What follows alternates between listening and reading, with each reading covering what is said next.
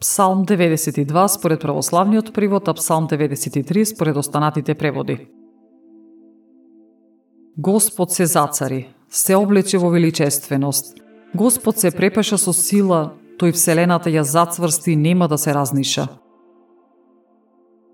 Твот престол е утврден од почетокот на времето. Ти постоиш од секогаш.